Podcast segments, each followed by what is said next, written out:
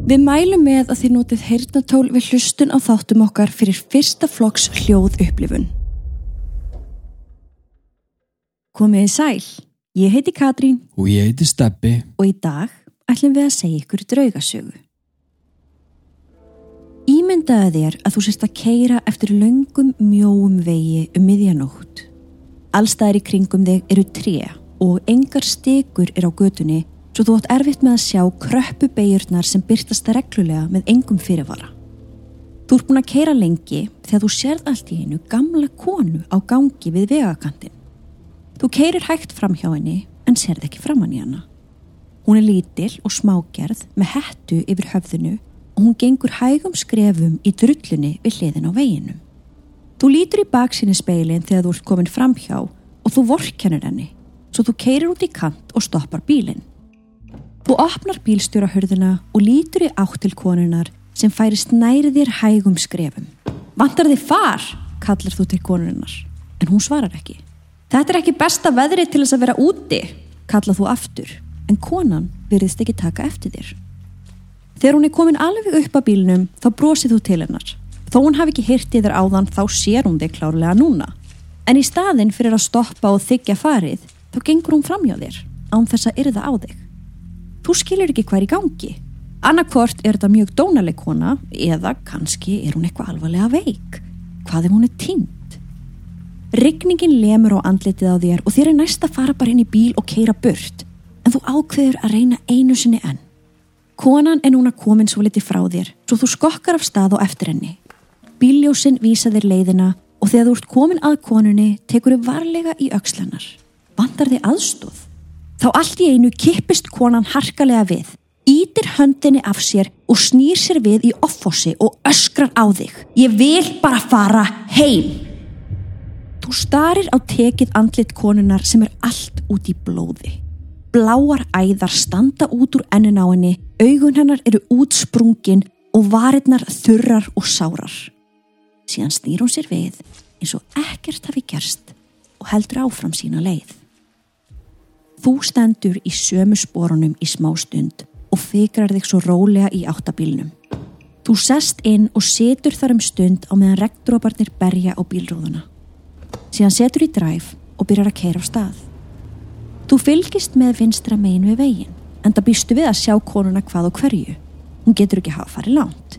En þú sér þann ekki. Hún er horfin. Hrollur fer um líkamaðinn. Ég verð að koma mér af þessum fjandansvegi, hugsaru og gefur í. Veri velkomin á Elbow Road.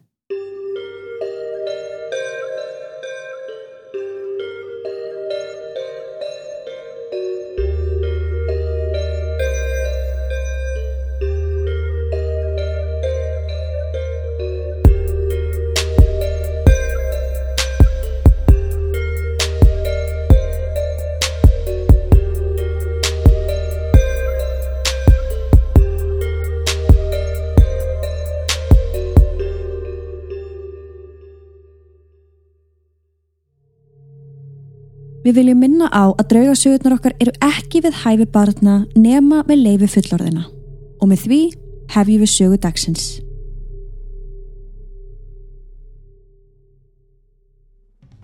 Jæja, við erum mætt í stúdióið eftir heldur betur langt og skuggalegt ferðalag. Segðu, þetta var gaman og takk allir sem að tóku þátt í þessu með okkur.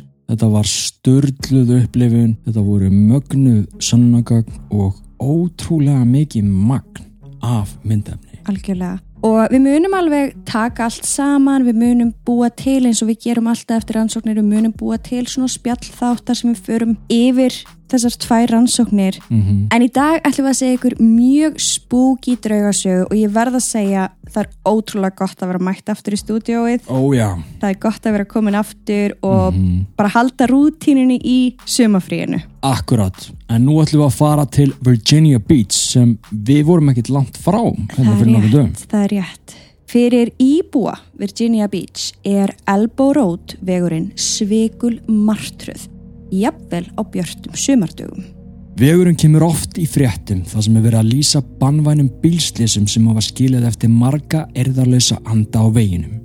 Hörmungar sem hafa gæst á svæðinu eru svo miklar að það er fólk sem hafa forðast veginn algjörlega ef það getur. Elbow Road er af sumum talin vera reymdasti vegurinn í Virginia og það eru líka alveg góðar og gildar ástæður fyrir því. Við erum að tala um að á fyrstu mánuðum ársins 2012 urðu 45 banaslis og takk ég eftir. Wow. Við erum ekki að taka inn í myndina öll slisin þar sem fólk særðist alvarlega og jafnvel til frambúðar. Mm -hmm. Við erum raunverulega að tala um 45 manns sem dóu. Á fyrstu mánuðum eins árs? Já. Sko, ef maður gerir bara svona snögga leit á netinu um slis á Elborót þá kom upp fullt af skýslum og niðurstöðum. Við vorum samt alveg nokkuð við sem að við gætum ekki fundið nákvæma tölu Nei. um hversu margir hafa samt látið aðna lífið í heldina. Sem ég finn samt alveg pínu skrítið af því að Já. það er oftast haldið frekar vel utanum svona tölur, þú veist, eins og við á Íslandi til dæmis þekkjum vel að talan hækkar alltaf. Er þetta ennþá? Hvar var þetta? Þegar maður keirir til hveragerðis? eða eitthvað svoleiðis Já, já, já, svona... er svona stundum á þjóðveginni þá kemur svona bílflög eða eitthvað það sem stendur, ertu ekki að tala um það, það sem að hversu margir hafa látist á, á árinu, já, jú, og svo þú veist, keirir maður mm. halva ári setna eða eitthvað, þá er talan búin að hækka og þú veist, það er oftast haldi frekar vel utanam þetta, þannig að mér fannst alveg pínu skrítið þegar við fórum í þessar rannsóknarvinu að það var ekki bara, já, þetta eru svona margir sem hafa látist á þessum vegi Já, reyndar. En svo getur maður líka alveg hugsað að þannig eru margir að ferðast, kannski eru döðsvöld sem að verða akkurát á þessum stað, kannski ferða síðan á eitthvað annað sjúgrás í öðru fylki eins og við gerðum, við kerðum í gegnum fimm fylki. Já, já. Það er ekkit endilega verið að skrá hvar það gerðist, heldur bara döðsfallið per se. Ég veit það ekki. Ég veit það og ég, ég held líka svo sem að við á litla Íslandi við erum svo vön einhvern veginn að það sé já, haldið auðvitað um allt en svo í bandaríkanum þetta eru svo mörg fylki, það er svo Akkurat. mikið af fólki og svo líka svo marga stopnarnir sem er að sjá um þetta já. en svona til gamans þá fléttum við upp tölum um Reykjanesbrautina og þú gerður þetta reynda líka fyrir stabadrögin á sínum tíma hvað við rákust á þess að töflu hérna við setjum myndin á Patreon mm -hmm. Þetta reyndar bara frá því að vegurum var tekin í nótkunn árið 1967 og svo til ásins 2000. Vissulega var þá Reykjanesbrautin til löngu fyrir það. En er ekki nýrið tölur? Ekki svo ég veit, en hérna erum við líka vantan að tala um gömlu Reykjanesbrautin. Já, já, já. En samkvæmt þessum tölum allavega þá eru 52 döðsföll á 33 árum. Ok. Og þetta er svona bara áhugavert að hafa til hliðsjónar þegar við förum í þessa sögu. Algjörlega vegna þess að 52 döðsföll á 33 árum, mm. ok, við erum vissulega farri heldur en fólki í bandaríkjanum. Jú, jú. En 45 döðsföll á fyrstu mánuðum ársins 2012. Þetta er bara stjartfræðilega munir. Þetta er smá sjokkirandi Já, okay. svolítið sko. Þetta eru sorglegar tölur þarna við Elbow Road en við skulum skoða veginn svona eftir því sem við best getum. Ég tók hérna myndir frá Google Earth og svo eru líka myndir sem við fundum bara á Google sem þið skuli skoða. Þið sjáu þetta screenshoti af Google Earth. Mm -hmm. þetta minnir mann bara rosa mikið á mjög marga vegi sem við vorum að keira núna bara fyrir stöttu Já, í gegnum bandarækin endilega þeir sem hafi tök á að kíkja á þessar myndir sem eru á Patreon og fylgja þessum þætti. Vegurinn hann fer einhvern veginn í gegnum skólendi mm -hmm. maður sé bara að það er bær vinstra megin, það er bær hægra megin. Já. það er skólend á milli og það sem tengir þess að bæi er þessi vegur. Já. og þetta er sem sagt einbreyður vegur. Já, sem sagt agrein á móti agrein Já okay. bara eins og við þekkjum hérna á Íslandi. Já, já, ég meina svona eru allir vegir hér eiginlega, en það er ekki oft hannig í bandaríkjunum þó það sé alveg en þannig að manni finnst þetta svo sem ekkert já, þetta er bara svona eins og hver annar vegur, það er þjætt skólendi sitt hverju megin, mm. en hann fer í rosalega eins og þið sjáu hérna myndina af hvernig það er verið að lýsa, hann fer svona siksak. Hann er svona likjóttur. Já, hann er likjóttur og það er broti upp í malbygginu, mm. það er ekki mhm. gangstitt þarna við hliðin á. Nei, nei, nei, veist, það er bara skólendi. Þetta er bara skólendi. Ég rakst síðan á hérna seinustu myndina, hérna líka Twitter myndin af bílnum ofan í vatninu. Já og þetta var eitthvað tweet það stendur hérna and you thought we were kidding when we said to avoid elbow road turn around, don't drown Eða sem sagt, þið heldu að ég var að djóka þegar við sagðum forðisti Elbow Road veginn, snúi við, ekki draugna. Já. Og þannig bíl á þessum vegi, Mm á kafi. Já, ég er að spá í hvernig er þetta að gerast? Þú veist, er vatni komið yfir veginn? Ég meina það er klárlega komið yfir veginn en maður hugsa með sig kannski er einhver svona dalur í þessum vegi, hann er náttúrulega hlikkjótur Mhm. en kannski er hann líka upp og niður og þá kannski myndast einhvers konar vatn og flóð sem að verður hann.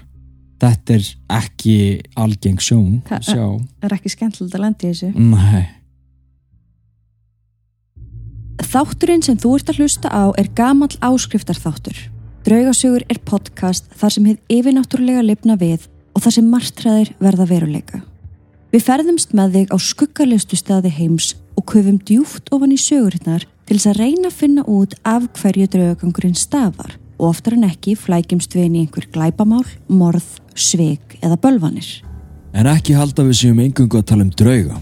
Við höfum virkilega gaman á sögulegum staðrindum og skjálfestum heimildum. Í hverjum þætti spólum við tilbaka til fortíðar. Því eins og við segjum alltaf, það er nöðsilegt að þekkja söguna út og inn áður en maður fyrir að greina hvers konar reymleiki er þarna á sveimi. Erum við að fást við vitsmunalega anda, poltergeist, residual eða endurtekna orku? Og hvað þýðir þetta allt saman? Hvernig þekkjum við munin? Engar áhyggjur, við munum kenna þér. Við bjóðum upp á þrjár áskriftarleiðir inn á Patreon og inn á Spotify. Vinstælasta áskriftarleiðin okkar er draugasögu kynnslóðin inn á Patreon. Þar sem þú farið mínu sögu á mánudögum og áskriftarsögu í fullri lengt á miðgudögum. Þú far aðganga viðtölum við frægustu nöfnin í paranormal heiminum og fær tækifæri á að koma með okkur í rannsóknir bæði innanlands og erlendis. Svo ef þú ert forvitur um drauga, þú hefur gaman að true crime og vilt mögulega bóka þér sögulegt draugahótel í næsta fríi, eða ef þú hefur gaman að því að ferðast og skoða fræga staði með óhugulegri sögu, þá skaltu prófa áskriftin okkar. Það gæti komið þér á óvart og hafði í huga að allar sögur sem við segjum eru dagsannar. Farðin á patreon.com skástrygg draugasögur og prófaðu að hlusta frítt í sjö daga. Engin binding og þú far aðgang að yfir 500 þáttum strax við skráningu. Árið 2016 sem sagt um svipa leiti og bílinn endaði þarna út í ánni. Þá var veginum lokað og miklar breytingar voru gerðar. Þeir breykuðu veginn, bættu við öxlum og fleira til þess að reyna að gera þennan sikk-sakk veg frekar örugari fyrir ökumenn. En þetta er samt anþá bara tveggja agrina vegur með mörgum hlikkjum og blindhæðum sem bjóðu på slesahætti.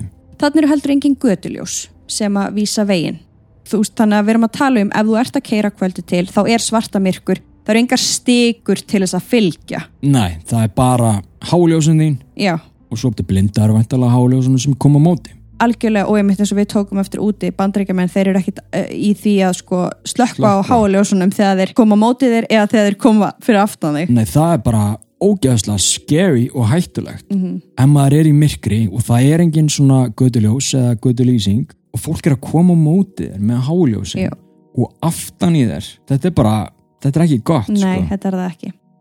Það er 45 km hámarsraði þarna sem að mörgum þykir allt of hátt miða við hætturnar sem þarna leynast en vegurinn sjálfur er 8 km. Já, hann er ekki lengri en 8 Nei, km. hann er nefnilega ekkert svo langur og maður sér það svo sem alveg þarna á fyrstu myndinni þú veist, þetta er ekkert þetta er ekkert svo langt. Nei, þetta er ekkert langur spotti. Hann fer frá borginni Chesapeake til Virginia Beach. Íbúafjöldi í þessari borg er tæplega 2500 manns. Já, það er nú ekki mikið. Nei, og ég meina við vitum alveg að 45 km hámasráð á bíl það er auðvitað hægt að keira út af ef maður er í erfið færi á þeim hraða og jafnvel getur maður valdið miklu tjóni. Algjörlega og eins og íbúar segja þegar þessar beigur laumast að þér á kvöldin Mhm. og þú ert með önnur aukutæki sem koma beint á móti þér eins og þú varst að segja það er bara skelfilegt Já, og á veturnar er þarna svakaleg hálka eða hálkubletti sem bætir ofan á þetta vandamál.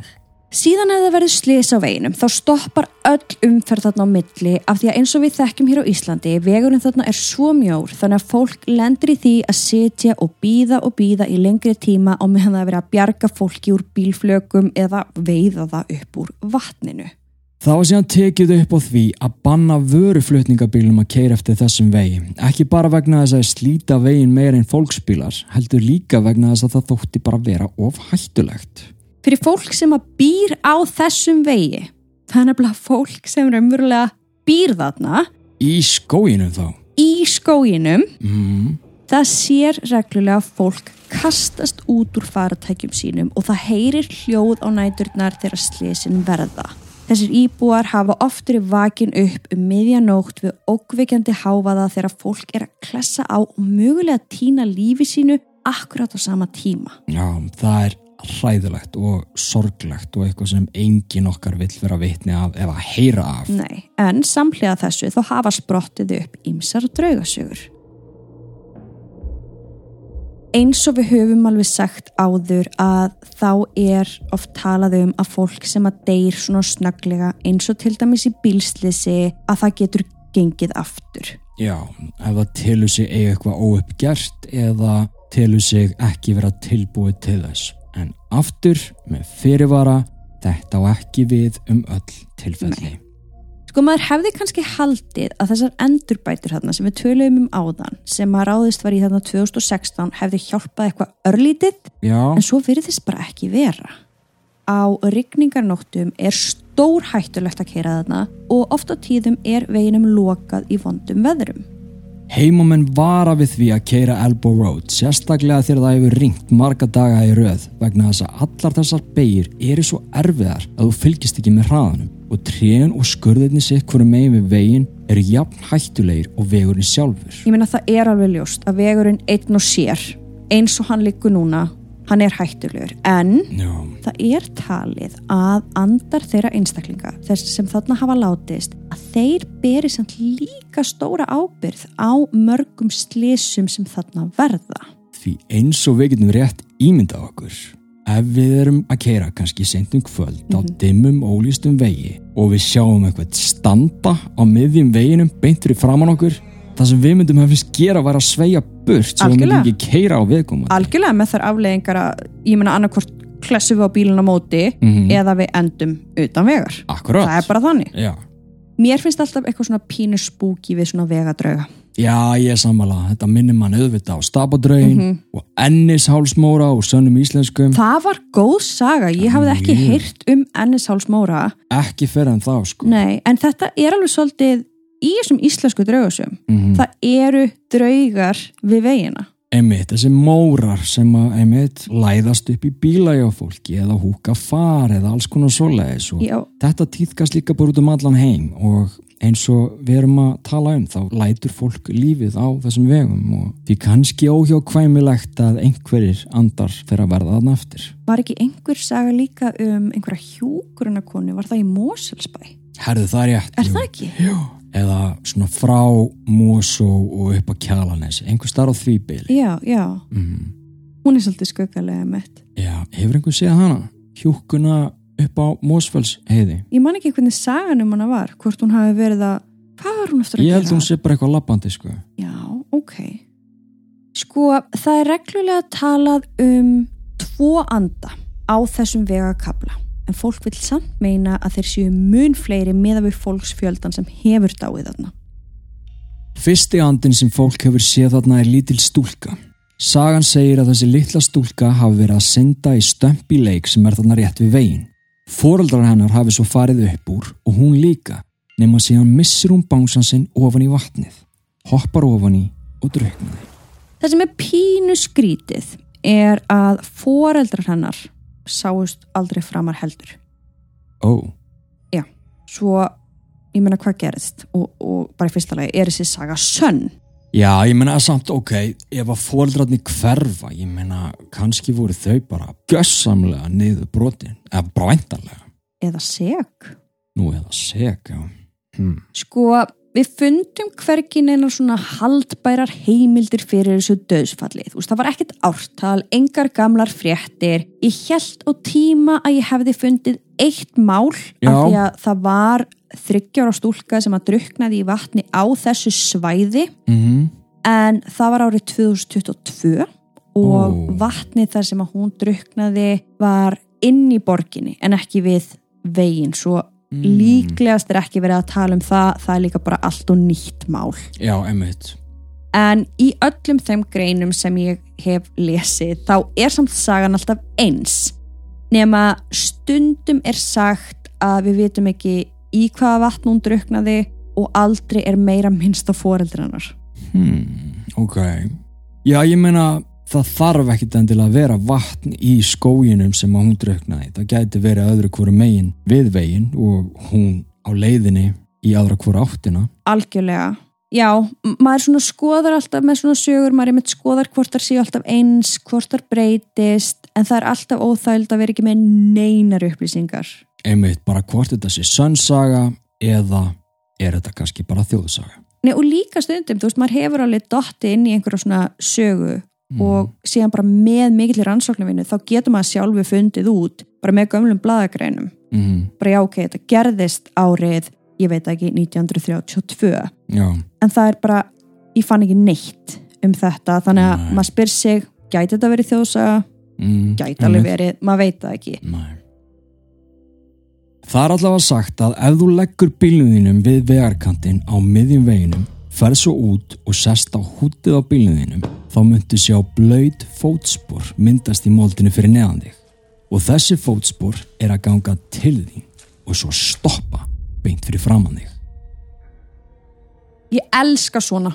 Ég verð bara að segja, ég elska svona liftuleiki, Bloody Mary, Já, já, þetta minnum mann um þetta á Bloody Mary og Candyman og eitthvað. eitthvað svona sem maður veit alveg að er bull, en þú ert samt ekki að fara að taka sjansinn. Nei, Skilur þú? emitt, blikka ljósunu þínum framann í skiltið þrís og Já. sinnum með eitthvað. Já, ekki gera þetta krakkar. Nei. Heimamenn vara fólk eindreið við að prófa þetta. Mögulega vegna þess að kannski er þetta satt Já. og þá er þetta mjög spooky en líka kannski bara vegna þess að þetta er hættulegt. Ég meina að stoppa bílinn á þessum vegi í myrkri, það er slesa hætta fyrir þá sem er á ferðinni. Það bara eitt og sér uppskritta reymleika. Ég fann eina sögu þar sem að ungt par ákvaða að reyna þetta, auðvitað. Það er alltaf eitthvað ungt par á fyrsta deiti. Já, ég meina, smá svona. Þau kerðu veginn eitt kvöldið í niðamirkri og lögðunum við vegarkantinn. Hvorugt er að trúði að eitthvað myndi gerast svo þau hlóðu sín á milli á meðan þau gengu út úr bílnum og settust á húttið. Þau lágu hlið við hlið og störðu upp á stjörnubjartan heiminn. Fyrst til þess að byrja með kvísluðu sín á milli og reyndu að hlusta eins vel og þau gátu hvort þau heyrði eitthvað. En þau heyrði ekki neitt.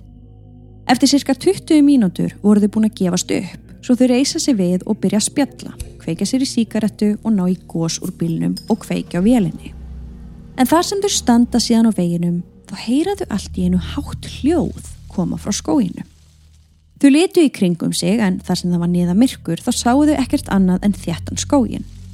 Aftur heyrðist hljóðið og þetta var eiginlega líkast því að eitthvað þungt hefði dottið á milli trjána eða eins og stórt dýr var að brjóta sér leið í gegnum þykkar greinar. Í þriðja skiptið heyraðu hljóðið og núna var það komið mun nær þeim heldur en í fyrstu tvö skiptin. Þeim var hægt að standa á sama. Það var engin umferð í kringu þau, engin hús, en hvað sem þetta var sem var inn í skóginum var að nálgastu hratt. Svo þau hraða sér inn í bíl, setja í dræf og ætla að keira í burtu en þá drepur bílinn skemmtilega á sér. Ljósin slökna og þau sitja ein eftir í myrkrinu. Strákurinn reynir að kveikja á bílnum aftur á meðan stelpan panikar og byrjar að læsa öllum hurðum. En akkurat þegar hún er að tegja sig aftur í til þess að læsa þá er henni litið í afturúðuna á bílnum og þá sér hún skugga standa aðeins nokkrum metrum frá þeim. Hún fröys, kallaði á kærastan sinn sem snýri sér við og hann sá þetta líka. Fyrir aftan bílinn var skuggavera í læginu eins og manneskja og þau tóku eftir því að hún færðist nær bílnum hægt og rólega líkt og hún svefi. Strákurinn snýr sér aftur við og reynir að kveikja á bílnum á meðan stelpan öskrar á hann að skuggaveran sé að koma nær. Loksins í fjórðu tilraun kviknar á bílnum og þau skransa af stað rétt í tæka tíð áður en skuggin kom að bílnum. Já, elska svona deitsögur sem að fara á þennan veg. Ég líka. Þannig er samt ekkert verið að tala um þessi fótspor Nei, en þarna fenguðu svona aðeins meira en þau ætluðu. þau ætluðu, já. Mm. Og maður hugsa náttúrulega með sér hvað þetta var bara einhver lifandi. Já, já, einmitt og ætlaði bara að checka þeim Já. en það væri samt alveg creepy. það væri mjög creepy og ég meina ef þetta var einhver lifandi þá eflust var þetta morðingi Emitt, bara eitthvað þarna einn í bara skóginum hands down í myrkrinu í skóginum en það er alveg nokkra svona sögur Þorir þú að kanna myrkrið sem liggur handan hulunar? Ertu forvitin um það yfirnáttúrulega? Kondu þá með okkur í leiðungur þar sem við ferðumst um myrkustu horn heims. Hver þáttur mun flytja þig inn í aðra vitt þar sem heimur okkar lifandi mætir heimi hinn að látnu. Við erum búin að vinna linnu lösta því að flétta saman ókveikjandi sögur hand ykkur og með fyrsta flokks hljóðgæðum sköpum við andrumsloft sem mun halda þér á tánum. Leifðu okkur að vera partur af lífið þínu. Farðin á patreon.com skástrygg draugasögur og prófaðu áskrift í sjö daga frítt. Engin binding og þú far aðgang að yfir 500 þáttum strax við skráningu. Eftir þessa sjö daga getur þú valið hvaða áskriftarleið hendar þér. Viltu fá eina draugasögu í mánuði eða tvær í hver einustu viku? Þitt er valið. Eftir að þú ert komin í áskrift getur þú hlusta á þættin okkar þar sem þú vilt. Þú getur tengt áskriftina þína við Apple Podcast, Spotify og fleiri veitur og fengið alla nýja þætti beint þangað inn. En núna skulum við halda áfram með söguna. Eitt frægasti draugurinn við veginn er kallaður Frú Wobbly. Frú Wobbly bjó einu sinni á Elbow Road hliðin á einn af kröppu beigunum. Og þó hún hafi ekki sjálf látið lífið þarna, þá var hún samt myrt á hrottalegan hátt. Lík konunar fannst aldrei, þó að hringt hafi verið í lauruglu. Það sem fannst hins vegar var að bakhurðin hennar eða svalahurðin Mm heima hjá henni, hún hafi verið brotin upp og það var kaldur matur á borðinu eins og hún hafi verið að fara að fá sér hátegismat eða kvöldmat jafnvel en síðan hafi hún verið trubluð. Já, veistu, það er bara gjössamlega út í hætt að myrða fólk áður en að fær sér að borða. Ég veit, en það er oft þannig. Já, ég meina, come on, leifiði fólki að klára að borða. It's the least thing you can do. En hversu oft hefur maður einmitt heyrta, þú veist bara já það var allt eins og þau væru bara að fara að borða kvöldmatinn og miklaða matur á borðinu Einmitt. og all fjölskyldan var dáin uppi. bara come on allavega þegar lögreglan færið sér svo upp á aðra hæðina þá fundið þeir fullt af blóði svo það fór eiginlega ekki á milli mála að greið konan hafi verið myrt því ég meina ef hún hafi framið sjálfsvík Það væri hún aðna. þá væri hún aðna Já, en ég hún meina var hún ekki hefði ekki komist langt Nei, allavega nei. Aftur þá þykir okkur leitt að segja ykkur að við fundum engar frekari upplýsingar um þetta morð. hmm. Það voru engin ártöl, engar gamla fréttagreinar. Ég er nefnilega, ég er hún ansið lungin í gamlu fréttagreinunum. já ég veit sko allt um það þú Og- ert mjög lungin Ég, já, og ég hef lesið ímislegt í, í þessum gömlu blöðum en ég fann ekkert um þetta en eins og sagan um litlu stúlkuna þá er þessi alltaf eins Já. og þetta, breytist ekki nei, Þetta minnir mann eiginlega bara svolítið á stapadrögin. Maður þarf svolítið að púsla saman ótrúlega mikið af alls konar efni og vitnisspörðum og fréttagreinum til þess að geta túst séð minnstur. já, ymmit Andi frú Vobli sést stundum ganga meðfram veginum og heimamenn eru duglegir að vara gesti við að stoppa ef þeir sjá konu þakta blóði ganga við hlið vegarins. Það er þá bara frú Vobli að leita að heimilinu sínu. Og bara svona til gamans þá hefur fólk tekið eftir því að frú Wobbly aftur á bak er elbow. Þannig að hver veit krakkar hvort að einhver hafi bara verið sniður og ákveða að búa þessa sögu til og nú er bara allir búin að gleipa við. Mér finnst það frábært að vera bara sá gæi, bara já, Elbow Road það er pottet frú Vobli. Wob, já það var hún Wobbly. já, já, já, pottet En það eru margir sem vilja kenna þessari blessuðu gömlu konu um mörg slið sem hafa orðið þarna á veginum. Það er löngu búið að rífa heimileðinar ef það var til yfir höfuð en heimamenn eru vissir um að það hafi eitt sinn staðið hústáttna vegna þess að reglulega sjást ljós koma úr skóginum líkt og frú Vabli sé að kveikja og slökka ljósin á heimili sínu.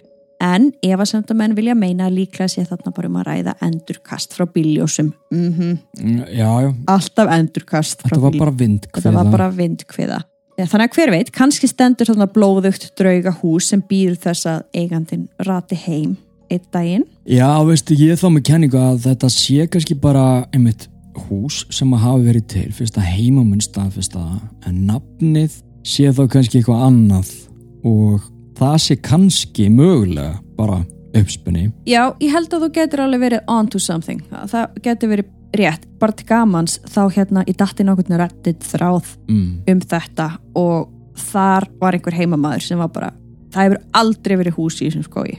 ok, Það bara hefur ekki verið. Þetta er bara kjaftaði já, frá A til Ö. ok En svo kemur bara annar heimamaður sem er bara, já, það var hús í þessum skói. já, ok Hann er bara, mm. ég veit það ekki. Nei, nei, svo er svo mikið að besser vissurum sko Já, eins og þessi gaur sem sagði að, hérna, að, að það hafi verið hús í þessum skói, hann var ekkit endilega að segja, já, og það er draugagangur. Hann var bara að segja, þú veist, ég veit Einmitt. að það var hús þarna. það er bara eins og heim hjá okkur það eru engar staðfestar heimildir fyrir því að það hafa einhvern tíma verið fjárhús eða byggð Mhm. á reitnum það sem við búum eða eitthvað, Já, en það eru samt fordleifar og greinileg hlið og eitthvað já, sem við erum með í bakarðinum akkurat. Og við erum meira þess að búin að tjekka, við höfum alveg talað um þetta áður held í einhverju þáttum, við höfum búin að tjekka, bara getum við fengið að vita hvað stóði hérna á undan og það bara, það var ekki nefna the computer says no en við bara, já, en það er samt eitthvað í garðinum okkar.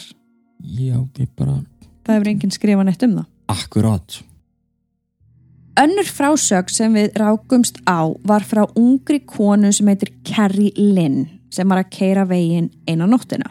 Já, hún hafði nefnilega heyrt sögur um hversu hættulegt það væri en hún var að keira á löglegum hraða held hún Já.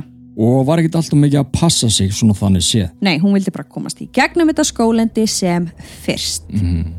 Hún kveiki svo útvarpinu og lægið Real Gone var í spilun sem er lægið þarna úr Cars bíómyndinni. já, teiknumyndinni, Já. mjög vinsalt á okkar heimili Já.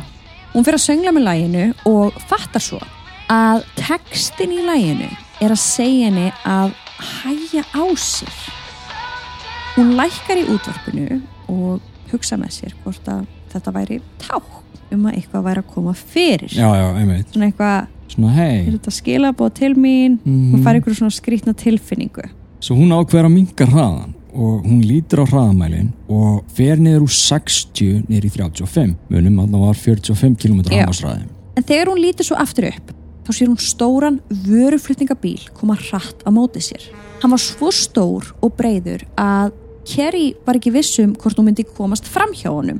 Svo hún keirir aðeins lengra út í kant hægra megin til öryggis. En þá fer bílinn ofan í hólu á sama tíma og trukkurinn kerði fram hjá henni. En Kerry finnur þá að dekkið er að rempast við eitthvað í hólóttri steipunni svo hún reynir að taka í stýrið og koma bílnum aftur á veginn. En á einhvern ótrúlegan hátt þá kippist bílinn til vinstri, lendur á hinni agreininni og síðan keirir bílinn út af og ofan í skurð. Kerry slasaðist sem betur fyrir ekki en hún hugsa samt oft með sér.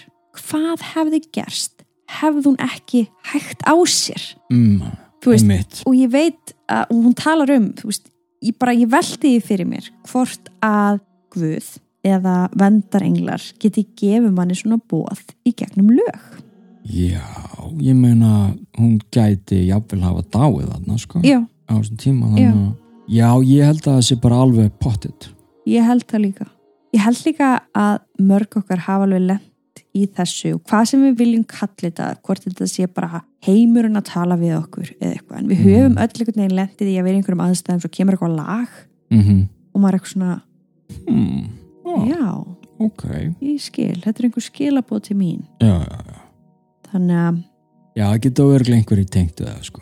Mjög líklega í einhverju tilfellum algjör tilfellin Já, algjörlega, ég er alveg viss um það. En ég meina, já, svo spyr maður sig eins og í þessu tilfelli. Já, algjörlega.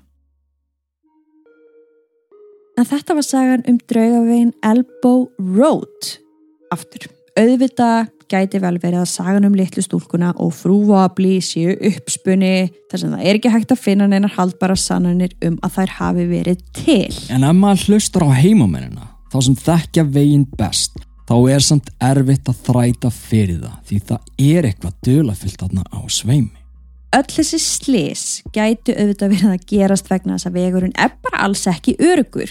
En aftur, þar sem margir láta lífið, þar er draugagangur. Svo af hverju ætti það að vera eitthvað öðruvísi þó að staðurinn sé undir berum himni? Ég meina þó það sé ekki hús, skilur Já, ég menna við þekkjum það bara hérna á Íslandi.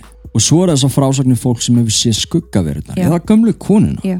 Einhverju sem hafa talað um að hafa orðið varir við eins og já gömlu konuna hefðu ekki hugmynd um þjóðsögurnar í kringum vegi akkurat og mér finnst það alltaf svolítið cool, Já, þannig af hverju færi maður að skálda eitthvað bara að því bara? Emitt þú vissir ekki eins og að þessu Nei, þetta er svona pínu, ég veit ekki ekkur ég fæði þetta upp í hausinn svona pínu eins og við höfum talað oft um þegar að fólk er kannski að lappina á hótel og það er bara eitthvað, sér mynd af einhverjum eiganda hótelsins eða þeim sem byggði húsið Já, og það er eitthvað, "Au, ég sá hennan mann fyrir utan áðan hver er þetta? bara, Nei, þessi maður er búin að vera dáin í 70 ár Æ, fattur þetta já, svona þau vissu það ekki en þau sko. vissu það ekki þannig að Mm. þetta er svona af hverju ættur að vera að segja eitthvað og hvernig getur þú veist akkurat hitt á rétt? Það er líka alltaf bestu draugasögurnar sem koma frá fólki sem er bara ég trú ekki að drauga. En ég lendi sé hérna. Já, Elbow Road já. við lendum nú líka bara í undaginn vorum hérna vorum í einhverju bóði vorum að tala um mann, mannstu og hann trúði svo sem ekki að drauga. Já, en hann hafði lent í rosalega mörgu. Já, hann gæti ekki hægt að tala sko. nei, og hann bara saði okkur endalust og svo í lokin að þá fór hann að tala um álfa líka en, en bara munum það í byrjun þá trúði hann ekki neinu sko. nei, nei, hann trúir ekki að drauga sko. Það væri alveg gaman að heyra ef að þið þekkið einhvern veg hér á Íslandi sem þið telji vera reymdan. Jafnvel ef þið hafi lent í einhverjum draugasögum hér á þjóðvegum landsins. þá þætt okkur allan á sjúklega gaman að heyra þær jafnvel einhverja vegi eða staði sem hafa verið tekni fyrir svo við getum bara sapna fleiri upplýsingum saman um sömu staði og það væri gaman að þið getur sendt okkur þær bara á sannar.draugasögur.com og þá tækjum við þær fyrir í hinu hlaðarpun okkar sannar íslenskar draugasögur Það, mér finnst það mjög spennandi af því ég er svo 100% vissum. Það eru svo margir draugar á, Íslenskum vegum, á íslenskum vegum. svo margir sko Það er svo mikið blóð í þessari jörð. Ó já Þetta er spennandi. Annars þá þökkum við kærlega fyrir okkur í dag. Við snúum tilbaka eftir viku. Annars var ég að heyra því að það eru rosalega margir sem að hlusta á draugasögur þegar þeir fara að sofa sem ég fannst ansi skemmtilegt Það er rétt, það er og rétt. áhugavert hvað eru margir. Sem að sopna með okkur í eyrunum. Það finnst mér sjúklega gaman. Það er fólk sem ég get alveg tengt við, sko. Já. Þannig að við viljum bara nota tækifærið og segja bara við þig, kæri hlustandi sem erst að hlusta á okkur áður en erst að fara að sofa. Dreymið þið vel. Góða nótt. Takk fyrir að hlusta á draugasögur. Þessi þáttur er gammal áskrifta þáttur og ef þér líkar efnið, nennið þó please að setja 5 stjörnur á þinni hlaðvarpsveitu og segið öðrum frá. Deili gleðinni og segið okkur hvað ykkur fannst um þennan þátt. Og svo viljum við endilega hvetja þig til þess að kíkja inn á patreon.com skástrygg draugasögur og prófa áskrift frítt í sjö daga. Það er engin bending og þú far aðgang að yfir 500 þáttum strax við skráningu.